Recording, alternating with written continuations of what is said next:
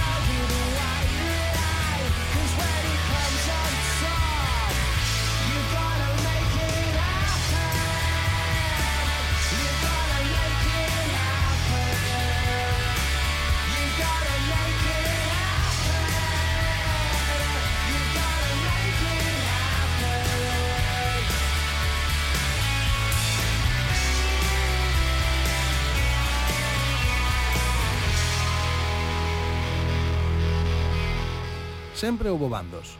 Ao longo da historia sempre houbo bandos. Os rockers e os mod. A costa oeste e a costa leste. Con cebola e sen cebola. Optimistas e pesimistas, mouros e cristiáns, capitalismo e comunismo, Star Wars e Star Trek, monarquía e república, WhatsApp e Telegram, esquerda e dereita, runners e xente normal. Neste mundo maniqueo organizado alrededor de centos de dúcias de dicotomías elementais, O normal é que a sociedade tenda a dividirse en dous bandos, polo xeral ben polarizados. A grada norte contra a grada sur, aínda que ambas as dúas gradas polo xeral teñan máis puntos en común dos que creen. Iso é o que ven acontecendo dende que o mundo é mundo, é certo, pero nos anos 90, concretamente no ano 1995, Se houbo dous bandos que separaron a sociedade, se houbo unha partición maniquea do mundo que o dividiu en dous, foi a que nos obrigou a todos a escoller entre Oasis, que é a banda coa que acabamos de abrir o programa de hoxe, coa súa canción de 1994 Cigarettes and Alcohol, que é puro rock and roll, e Blur, que nese mesmo ano, en 1994, facían puro pop.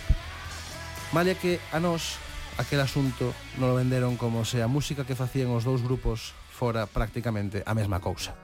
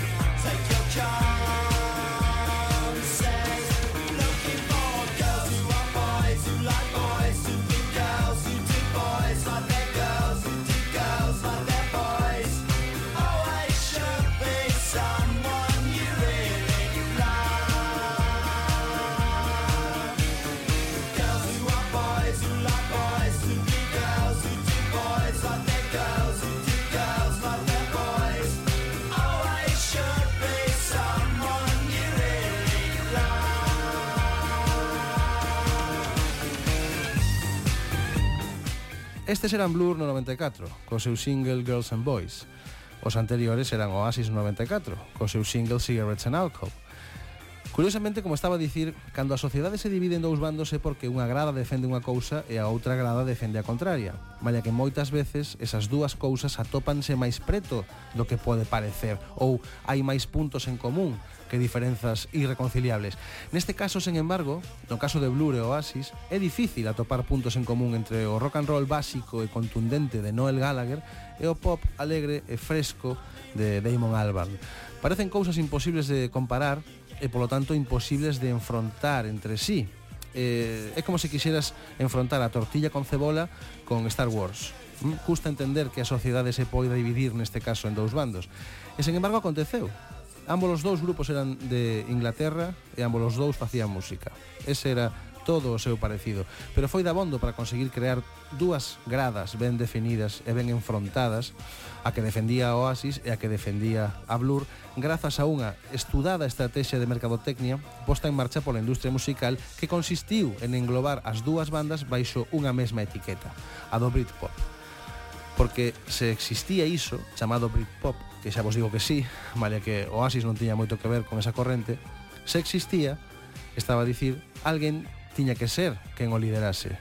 Así que solamente restaba decidir que grupo era merecedor de levar a coroa sobre a súa cabeza, Oasis ou Blur.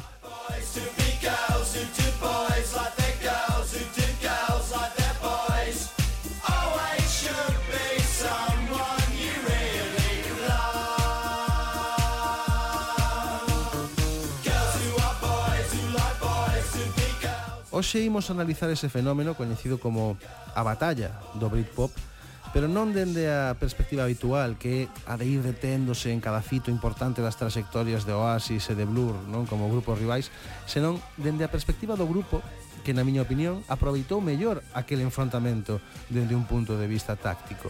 Porque a Oasis non lles interesaba o Britpop, nunca lles interesou máis aló de meterse con Blur nin se sentían realmente parte daquela corrente, pero a Blur sí que lles interesaba o Britpop. A banda Formou parte do seu nacemento sentíanse como o grupo que representaba aquel movimento ata que deixaron de facelo. O interese polo Britpop duroulle a Blur tres anos, de 1992 a 1995. Pero cando entenderon que a cousa xa non ía con eles, foi cando máis apostaron por formar parte daquela explosión musical. E o motivo era obter o maior rendemento comercial posible nunha batalla creada pola prensa e pola industria para despois poder facer o que lles apetecera, sen necesidade de asustarse ás marxes que delimitaban onde se atopaban os límites do Britpop. Blur querían formar parte de desa explosión musical, como digo, pero porque para eles se trataba dunha explosión controlada, eh? e sabían como sacarlle partido deixando a atrás no momento oportuno. Hoxe imos analizar, polo tanto, a estrategia de Blur en todo este asunto do Britpop, e como, e como o grupo soubo aproveitarse tamén estratégicamente daquela corrente que xa non lles interesaba. O capítulo de hoxe titúlase, polo tanto, Blur 1, Britpop 0. E arrinca xa mesmo. Eu son Manuel de Lorenzo e aquí comeza Cara B. Cara B.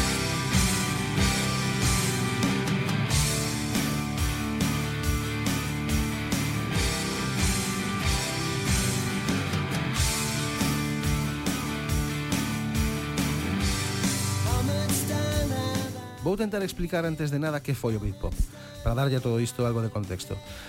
A comezos dos anos 90, a escena alternativa estaba dominada en todas partes polo grunge. Mm? Eh, os grupos británicos reclamaban o trono que no seu país, a mediados dos anos 80, pertencera a grupos pois como The Smiths, por exemplo, non? O mesmo trono que a finais desa década, a finais dos 80, ostentaran as bandas do movimento Manchester con The Stone Roses a cabeza e que agora fora usurpado a nivel global por Nirvana.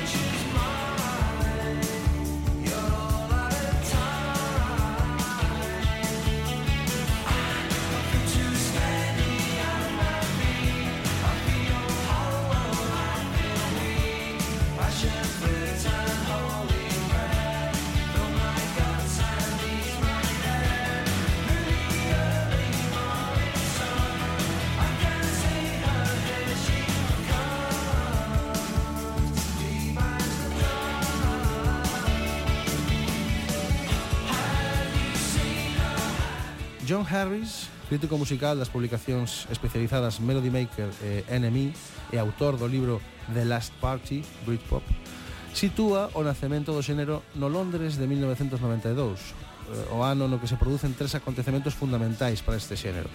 Publícase eh, Pop Sing, que é o single previo ao segundo disco de Blur, chamado Modern Life is Rubbish, un tema, este Pop Sing, que se considera fundacional do xénero Britpop e que se afasta do estilo shoegaze do seu primeiro álbum Leisure. Por outra banda, aparecen en escena Suede, co seu primeiro single, The Drowners, converténdose na banda máis cool da escena londiniense, e ao mesmo tempo nace Elástica, a banda liderada por Justin Frischman, que por aquel entón estaba a sair con Damon Albarn, o cantante de Blur, e que un pouco antes diso fora a parella sentimental do cantante de Suede, Brett Anderson, mentre ela mesma formaba parte da, da súa banda elástica. Ou seja, o Britpop nace cando este triángulo formado por Brett Anderson, Damon Albarn e Justin Frischman aparece no panorama musical alternativo de Londres encarnando a vanguarda e a modernidade. Os medios de comunicación comezaron entón a facerse eco das características que eran propias da nova corrente de moda, que eran estas a explotación absoluta da Union Jack como símbolo, a recuperación do espírito do swing in London dos anos 60, a adopción de símbolos da cultura mod, eh, pop e a identificación con todo o que soase a modernidade, non? Eles non o sabían, pero eran os hipsters dos anos 90.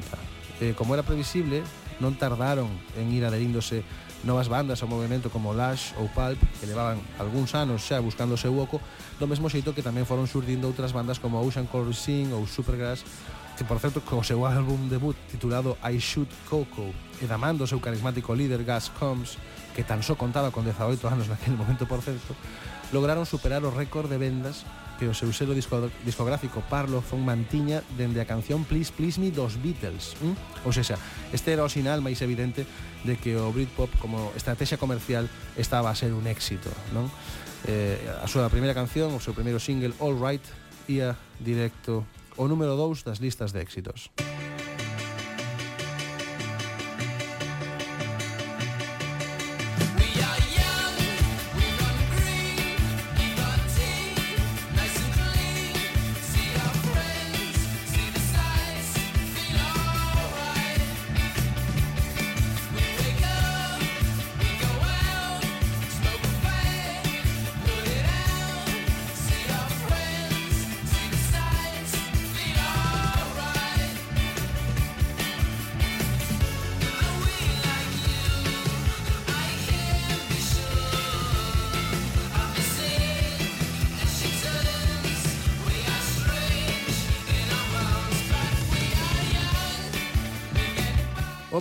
decía aos poucos por todo o Reino Unido a comezos dos anos 90 por oposición ao grunge, rendendo batalla. Ata que un día de súpeto, coincidindo aproximadamente coa desaparición de Kurt Cobain e de Nirvana, en Manchester naceu o grupo que a industria sabería aproveitar para opoñer a Blur, non? E devolver así ao Reino Unido aquela bella rivalidade eh, moi similar a que durante un tempo houve entre The Beatles e The Rolling Stones. Estamos a falar, claro, de Oasis, eh, malla que os seus integrantes eran moito menos refinados, o seu estilo era moito menos, non sei, intelectual que, que o dos seus colegas londinienses, Blur. De feito, tiñan eh, moito máis en común o Oasis coa corrente Manchester que con calquera outra cousa. Pero, en fin, eh, a maquinaria do Britpop non tardou en apropiarse deles. O seu primeiro disco, Definitely Maybe, publicado ese mesmo ano 1994, batera o récord de vendas dun álbum de debut na historia da música do Reino Unido. ¿Mm? E algo así non podía ser desaproveitado. Había que xerar movimento, había que xerar comercio ao seu redor. E, e, e nada mellor para iso que facer de, de cada cousa unha religión, non? cos seus correspondentes fanáticos dispostos a facerse con todo o que tivese que ver cos seus ídolos. Había que meter a Oasis na ecuación, había que meter a Oasis no Britpop e dividilo eh, este xénero en dous bandos. Había que crear as dúas gradas das que falábamos ao comezo, ao comezo do programa. A, a grada de Blur realmente bastaba con reforzala eh, porque xa existía. E, e iso sucedería cando todos aqueles que se identificaban con eles tivesen diante uh, outra grada a que poder desprezar non? Un bando o que enfrontarse por non ser tan bo como o bando propio como sempre acontece. O Britpop precisaba dunha gran batalla e se Blur ia ser un dos contincantes o outro ia ser Oasis por dereito propio.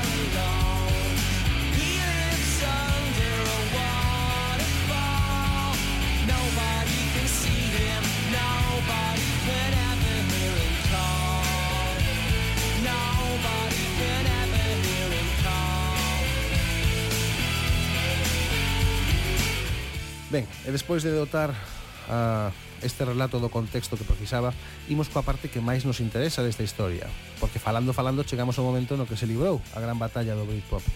Xa temos claro en que consistía este movimento, por que os oasis, malia non facer pop, foron arrastrados ata ali.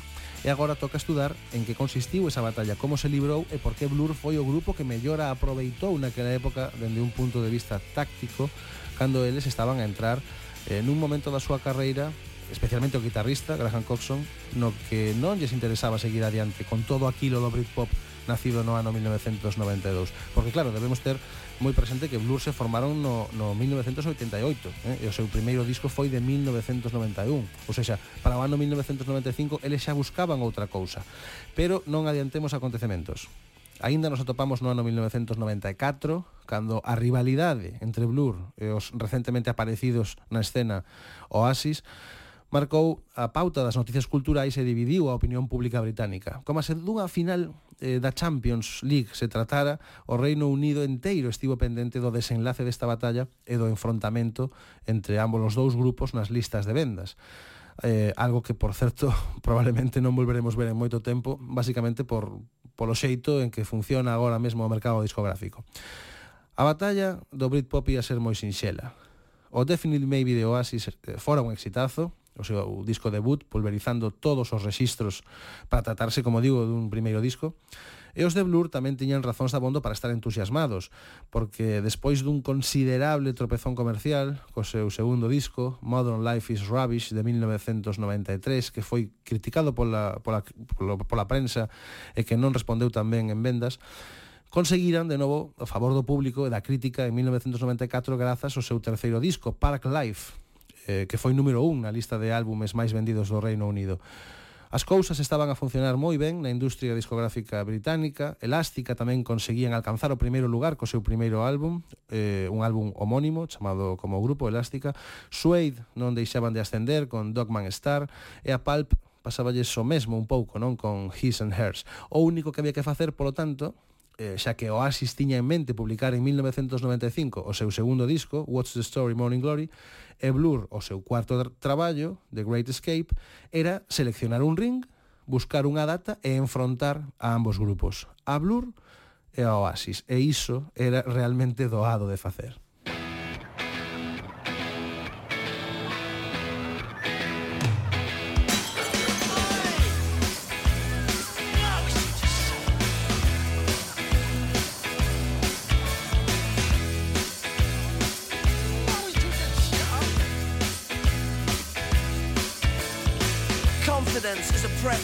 Habitual voyeur of what is known as.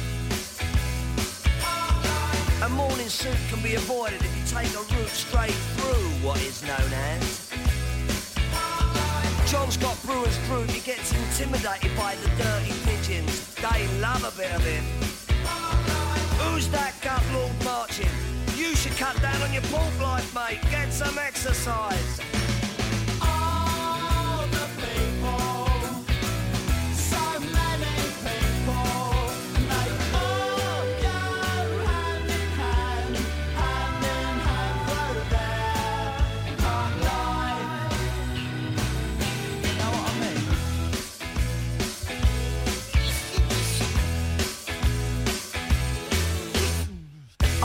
When I want, except on Wednesdays when I get rudely awakened by the dustman. I put my trousers on, have a cup of tea, and I think about leaving the house. I feed the pigeons, I sometimes feed the sparrows too. It gives me a sense of enormous well-being.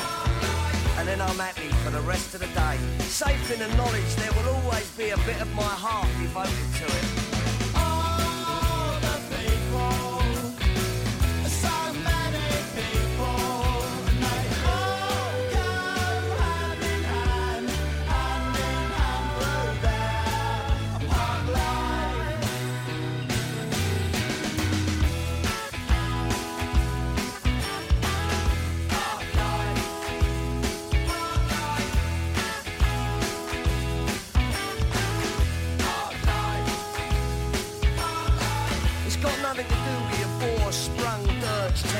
you know.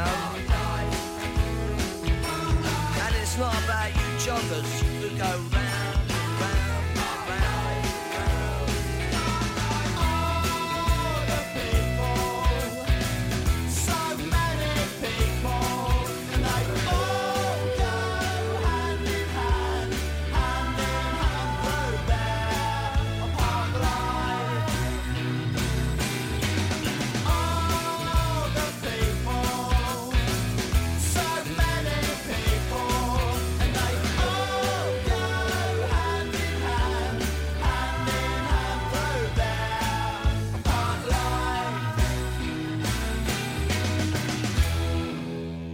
a dicir que o único que había que facer era seleccionar un ring, buscar unha data e enfrontar a Oasis e a Blur. Así que seleccionouse un ring, que ían ser as tendas de discos, seleccionouse unha data, que ia ser o 14 de agosto de 1995, e seleccionouse o xeito en que Oasis e Blur se habían de enfrontar. Gañaría a batalla do Britpop o grupo que vendese máis copias do seu novo single. Así de sinxelo. E o marcador, polo tanto, sería a propia lista de vendas. A prensa publicou en portada a noticia do combate, na revista NMI ilustrouse o acontecemento co típico cartel propio do boxeo, non? Coas caras de Damon Albarn, o cantante de Blur, e de Liam Gallagher, o cantante de Oasis, como se estiveran enfrontados, e unha frase que dicía Campeonato Británico dos Pesos Pesados. Ou seja, a cousa converterase nun asunto de importancia nacional. Ata tal punto que o selo discográfico de Blur Food, propiedade de EMI, cambiou a data orixinal de saída do single Country House para coincidir coa publicación do single de Oasis Roll With It, que fora anunciada antes pola discográfica destes, por Creation Records, pertencente a Sony. O 14 de agosto de 1995 ia ser o día en que se ían enfrontar nas listas de vendas as dúas bandas novas máis grandes do Reino Unido. Blur con Country House e Oasis con Roll With It.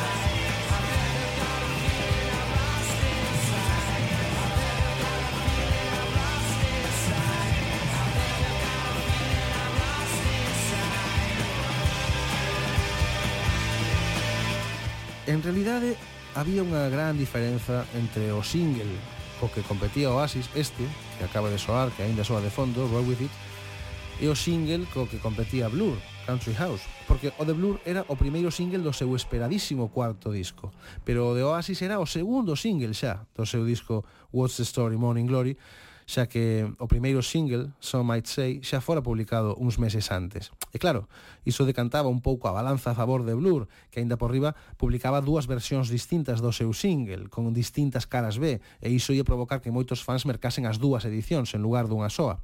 Pero bueno, iso a industria non lle importaba porque o mercado discográfico ia gañar igual, claro. Eh, todos os, podedes vos imaginar, non? Todos os informativos abrían eh, coa noticia, eh, a prensa cubría este enfrontamento, os xornais pedían que a cidadanía tomase partido, o choque entre ambos entre ambos os dous grupos era eh, en realidade o choque das tensións propias do país, non? As implicacións socioculturais eran moi profundas, moi delicadas. Por un lado estaban os mozos de clase obreira, eh, rapaces comuns e correntes, en grandes aspiracións intelectuais, mozos do industrial Manchester, E por outro estaban os rapaces londinienses que estudaban na universidade, que pertencían á clase media ou media alta e que tiñan elevadas inquietudes artísticas. Non Era, en realidade, o norte loitando contra o sur. E, ademais, estaba a rivalidade persoal hm, entre eles. No seu libro Entertainers, The Rise and Fall of Alternative Rock in the 90s, O xornalista musical Craig Shafton narra unha anécdota que aconteceu durante unha festa, unha noite de maio de 1995, unha festa que organizara Oasis xusto no momento en que acadara o número 1 nas listas de vendas por ese primeiro single do seu segundo disco, eh, a canción Some Might Say. Eh, o que pasou foi que en canto Damon, Damon Alban apareceu pola festa, sendo a súa única intención felicitar os membros de Oasis por ese número 1, Liam Gallagher foi correndo ata onde se atopaba Damon e gritoulle na cara «O fodido número 1!» E claro, iso non lle senta ben a ninguén. E de aí que uns meses máis tarde, Blur quixeran vingarse na batalla do Britpop. Música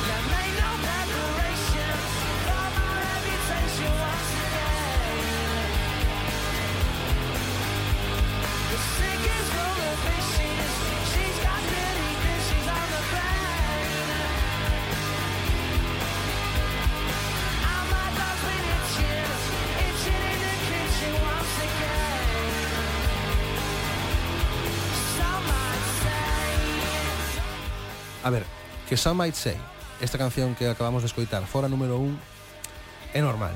Trátase dun temazo, non? Que Liam Gallagher fora berrarlle a cara a Damon eh, xa, non, xa non o é tanto, pero o que sí é lóxico é que Damon Albarn pasara pola festa de Oasis a saudar porque eh, el asumira a victoria do Britpop sobre o grunge como unha causa persoal sabía que eh, a estrela dese xénero era el dende 1992 sabía que estaba por riba de Suede, de Elástica e dos demais e decatárase de que se atopaba moi preto de converterse nun emblema da súa xeración, non? O novo John Lennon, o novo Johnny Rotten, o novo Morrissey. Son súas estas declaracións daquela época. Se o obxectivo do punk era eliminar os hippies, eu estou aquí para desfacerme do grunge. ¿Mm? calquera inglés aburrido das variantes do rock estadounidenses podía simpatizar con esa postura, non? Os propios Gallagher rexeitaban igualmente os modos depresivos do grunge, xa que eles entendían que un rockstar tiña que ser alguén admirable, non cun enorme magnetismo e con elevadas doses de carisma. Foi Liam Gallagher quen dixo Os americanos queren ver xente carrañenta apuñalándose a cabeza sobre o escenario. A tipos luminosos como a nós, con desodorizante, non nos entenden. Por iso Damon se pasará por aquela festa a saudar e felicitar os irmáns Gallagher, non? El era o anfitrión en todo aquilo do Britpop. Eh, aquel era o seu hábitat, E a eses tipos de Manchester, recentemente chegados ao panorama nacional, había que presentarlles respectos e saudalos. Pero claro, Damon non contaba con atoparse a uns hooligans eh, cun talento prodixioso, iso sí, para facer cancións. Así que, eh, a partir dese día, comezou a armar a súa estrategia. Decidiu estrear eh, o primeiro single de The Great Escape na televisión durante un especial da BBC chamado Britpop Now, no que Damon, ademais, oficiaba de presentador. No espazo actuarían en directo Pulp, Elástica, Boo Radleys, PJ Harvey, Sleeper, Jean, Menswear, eh, Powder, Echo Belly, nin rastro de Oasis. nin rastro de Oasis. E con actitude triunfalista, Damon no, no programa declarou As bandas inglesas xa non se avergoñan de contar de onde son. Atoparon a súa voz despois dun período en que se non eras unha versión dietética de Nirvana non eras nada. Ese foi o día no que o Reino, Unido e o mundo en xeral descubrían a canción coa que Blur se ia presentar á batalla do Britpop, Country House, na que, aínda por riba, se agocha unha mofa tremenda aos Gallagher se vos fixades ben na súa letra. Ou seja, o combate estaba preparado. Música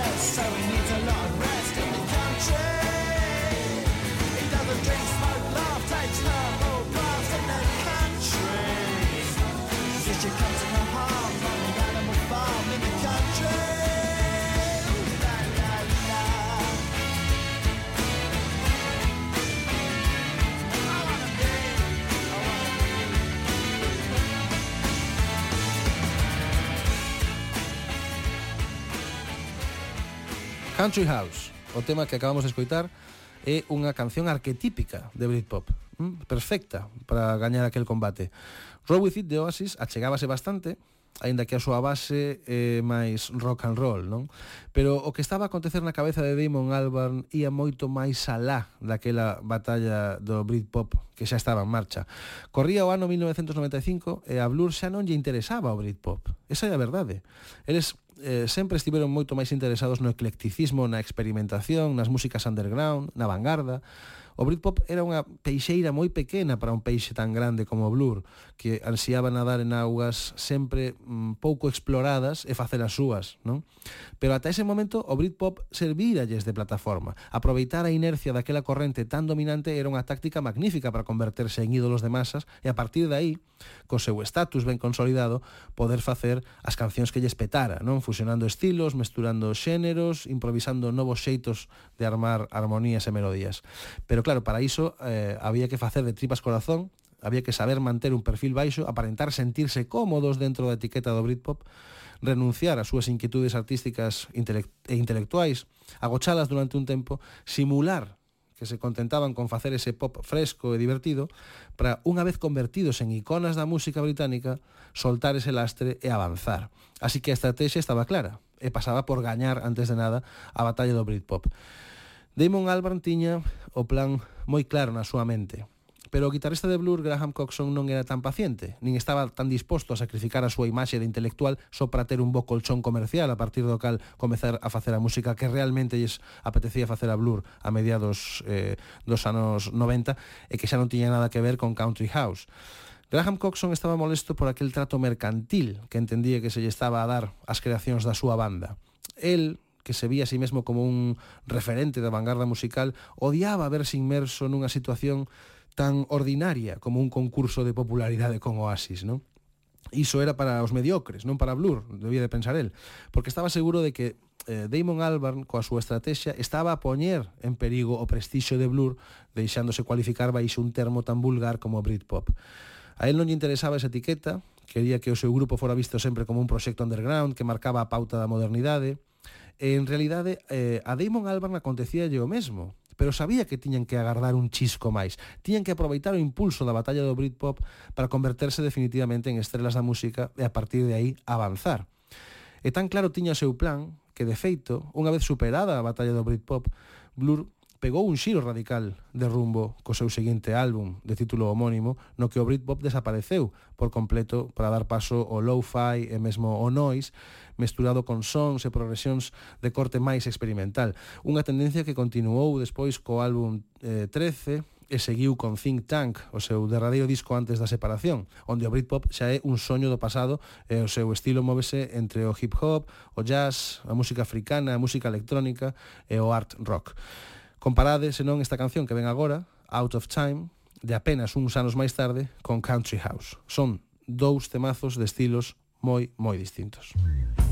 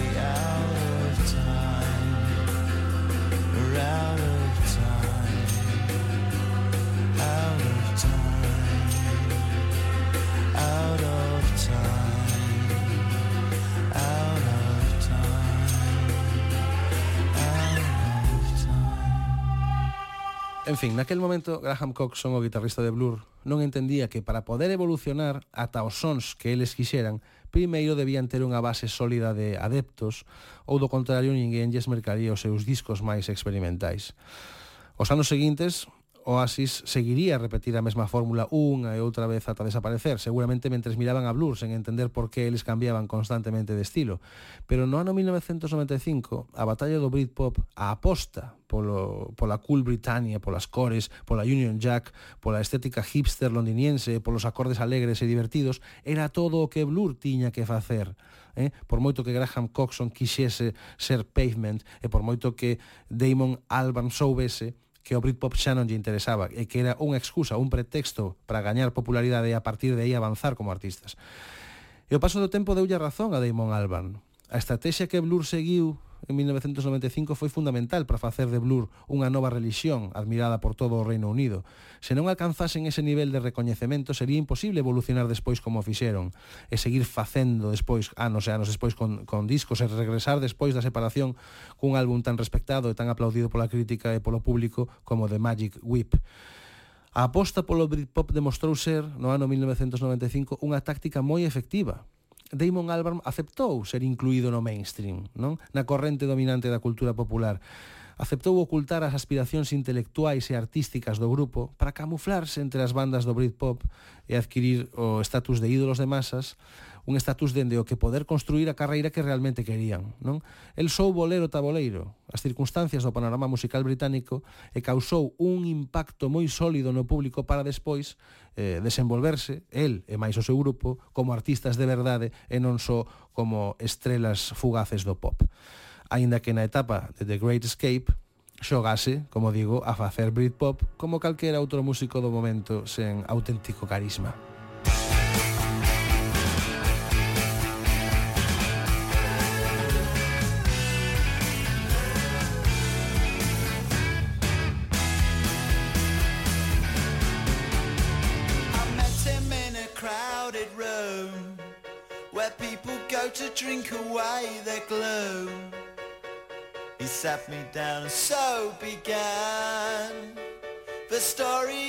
Charmless man,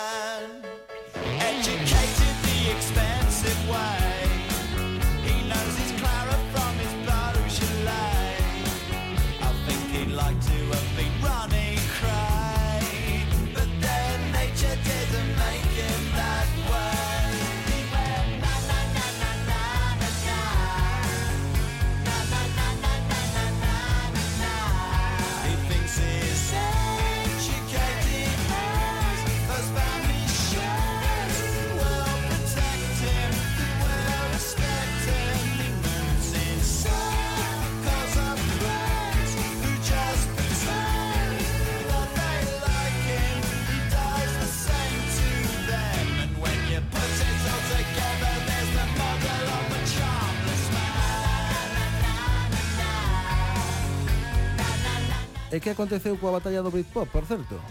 Pois que Country House, o single de Blur, vendeu 274.000 copias, superando as 216.000 do Roll With It de Oasis. É certo que o disco What's the Story Morning Glory de Oasis vendeu moitos millóns máis de copias que o disco The Great Escape de Blur, e por iso adoitase dicir que Blur gañou a batalla, pero Oasis a guerra.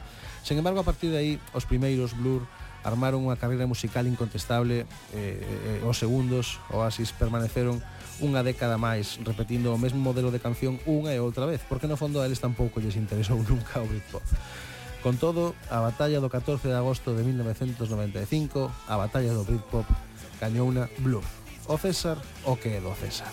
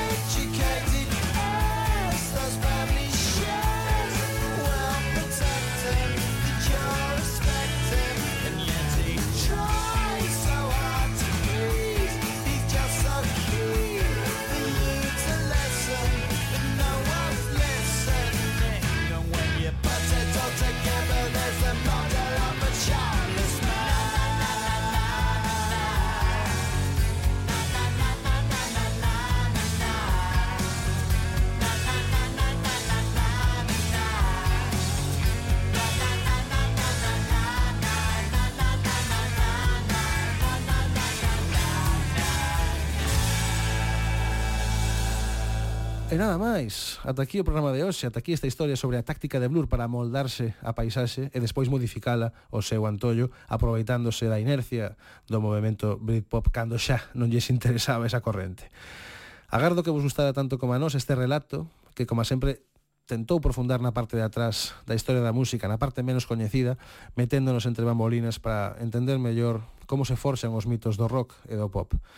Para nós foi un placer traervos este retrato sonoro ata este espazo no que se alternan as boas historias coas grandes cancións.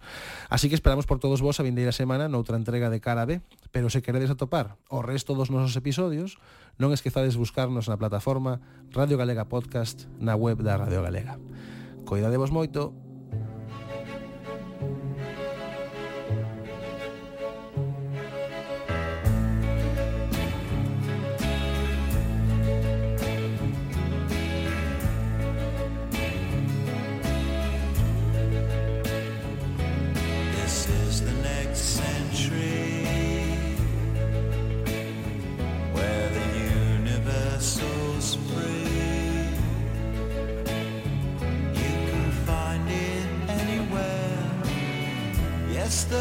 just been sold. Every night we're gone. And some karaoke songs. How we like to sing along. Though the words are wrong in really really really could happen